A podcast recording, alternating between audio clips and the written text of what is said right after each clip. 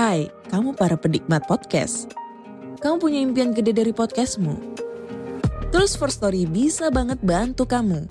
Mulai dari F-Link, Dynamic Audio Insertion, sampai statistik yang komprehensif. Semua ada di First Story. Gak ketinggalan kamu bisa monetisasi podcastmu lewat iklan dari First Story Ads yang bisa kasih kamu penghasilan dari setiap place podcastmu. Yuk gabung sekarang dengan klik di firststory.me. Sekali lagi, klik di firststory.me. Mari kita bawa mimpi podcastingmu menjadi kenyataan. Sukses mungkin artinya kita harus menjadi orang yang sangat sabar tapi bisa agresif saat dibutuhkan. Ini yang kadang luput kita pahami. Apalagi di dunia investasi, kita mungkin sering kali terbawa arus, takut ketinggalan kalau ada saham yang naik. Istilahnya adalah FOMO, fear of missing out. Tapi apakah cara ini berhasil? Mungkin beberapa kali berhasil, tapi sangat sulit untuk bertahan dalam jangka panjang. Untuk sukses di dunia investasi, kita harus berani untuk berbeda ketika kita yakin benar. Kita harus berani keluar dari gerombolan domba jika kita tahu kalau di ujung sana justru kita dibawa ke jurang. Hal ini memang tidak mudah. Di satu sisi, kita harus berani berbeda, tapi di sisi lain kita juga perlu mendengarkan orang lain. Karena pastinya sebagai manusia, kita tidak mungkin 100% benar. Maka dari itu, kamu butuh kebijaksanaan untuk menentukan kapan harus ikut, kapan harus berbalik melawan arus. Halo semuanya, nama saya Michael. Selamat datang di channel saya, Sikutu Buku. Kali ini saya akan bahas buku Poor Charlie's Almanac karya Charlie Munger. Buku ini membahas soal kecerdasan dan kebijaksanaan dari seorang Charlie Munger. Coba kamu sebutkan beberapa nama orang terkaya di dunia. Siapa yang kamu pikirkan? Mungkin nama seperti Jeff Bezos, Elon Musk, Taylor Swift, dan sebagainya muncul di benakmu. Tapi, apakah kamu pernah dengar nama Charles T. Munger? Mungkin saja tidak. Padahal, Charles sendiri merupakan mega miliarder dan wakil ketua dari Berkshire Hathaway semasa hidupnya, perusahaan yang membuat Warren Buffett sukses.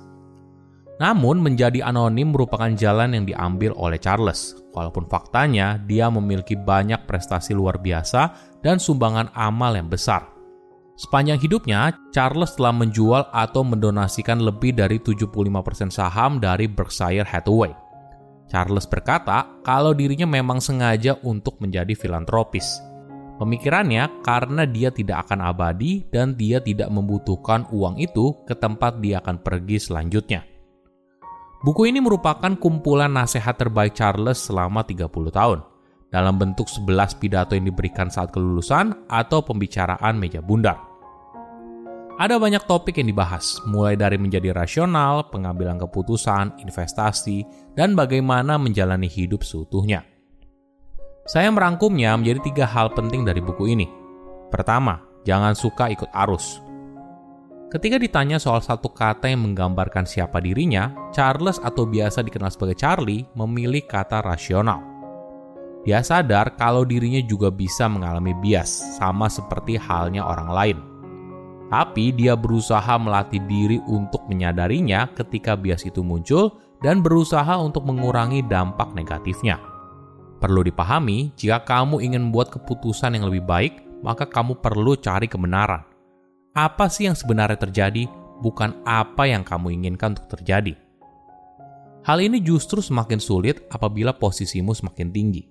Banyak hal yang sudah difilter atau dipercantik sebelum informasi tersebut sampai ke telingamu. Jadi, perlu kejelian untuk mencari tahu apa kebenarannya. Hal ini memang tidak mudah. Kebenaran sering kali justru menyakitkan, mungkin saja bertentangan dengan kepercayaan atau keinginanmu sebelumnya tapi lebih baik tahu kebenarannya daripada terus berada dalam khayalan semata. Nah, bagaimana cara melatihnya? Pertama, sadari kalau kita semua rentan pada khayalan.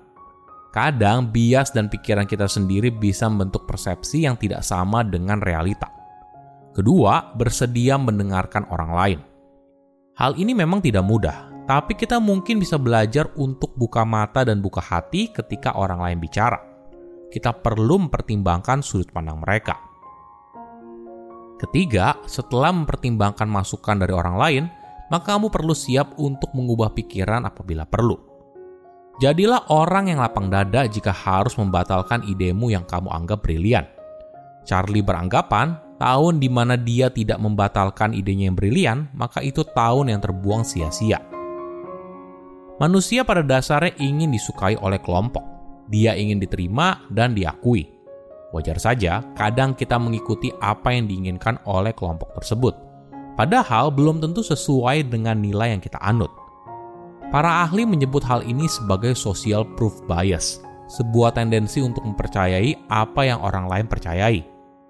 Tujuannya untuk mempererat kohesi sosial. Ibaratnya kita ikut menjadi domba di dalam sebuah kawanan domba, padahal mungkin saja kamu bukan domba. Jika berada dalam situasi tersebut, cobalah luangkan waktu untuk mundur sejenak dan evaluasi lagi. Benar nggak sih ide yang disampaikan? apakah ide ini sesuai nggak dengan nilai yang saya anut. Mungkin dengan berlatih skeptis, kita jadi terhindar dalam sebuah keputusan yang berbahaya. Hal ini sering ditemui dalam dunia keuangan. Buat kamu yang familiar dengan instrumen investasi, mungkin saja kamu bergabung dalam sebuah grup WhatsApp investasi. Isinya bisa bermacam-macam, ada yang sharing ilmu, sharing berita terbaru, sharing sinyal, dan sebagainya. Ada masanya beberapa orang mungkin share kalau saham A lagi rame nih, cuan sekian. Nah, hal ini mendorong banyak orang melakukan hal yang sama. Dalam situasi tersebut, jangan gegabah, karena nantinya bisa saja berakibat fatal.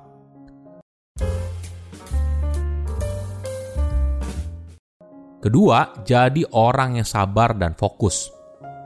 Pada tahun 1959, Charlie bertemu dengan Warren Buffett dalam sebuah acara makan malam dan itu merupakan momen dimulainya kerjasama yang akan mengubah hidup mereka berdua. Buffet dikenal sebagai sosok yang dinamis, sukses, dan asik diajak ngobrol. Charlie pun senang bisa bertemu dengan seorang yang juga punya passion yang sama dan kecerdasan yang luar biasa. Pertemanan mereka pun bertumbuh hingga akhirnya mereka sepakat mendirikan Berkshire Hathaway, yang kemudian mengantarkan mereka untuk jadi konglomerat. Nah, apa sih tips suksesnya? Charlie menyarankan kita untuk sabar, jujur, dan punya tekad yang kuat dalam berbisnis atau investasi. Dalam dunia investasi, penting untuk bisa berpikir kritis agar kamu bisa membuat keputusan yang cerdas di tengah pasar saham yang tidak menentu. Wajar saja, pasar saham bisa bergerak sangat dinamis dan tidak ada yang bisa memprediksi arahnya mau ke mana. Banyak orang mungkin beranggapan kalau mau kaya di pasar saham harus bisa gercep, Misalnya ketika pasar saham lagi down, maka kita harus buru-buru beli. Atau ketika lagi naik, maka kita buru-buru jual. Semua ini kita lakukan dengan harapan bisa mengalahkan pasar. Tapi investor cerdas tahu kalau cara ini tidak seefektif yang orang lain pikirkan. Daripada ikut-ikutan FOMO, investor cerdas melakukan analisa mendalam untuk evaluasi saham yang potensial. Jika ternyata analisanya memang benar, kalau harga saham yang sekarang ternyata jauh lebih murah daripada nilai intrinsiknya, maka ini yang menjadi dasar pembelian sebuah saham. Tapi tentu saja, nilai harga saham tidak selalu bergerak cepat. Ada kalanya kita jadi tidak sabar. Tapi perlu dipahami, orang yang sabar adalah orang yang bisa meraup keuntungan. Proses investasi yang terlihat membosankan inilah yang membawa Charlie pada kekayaan.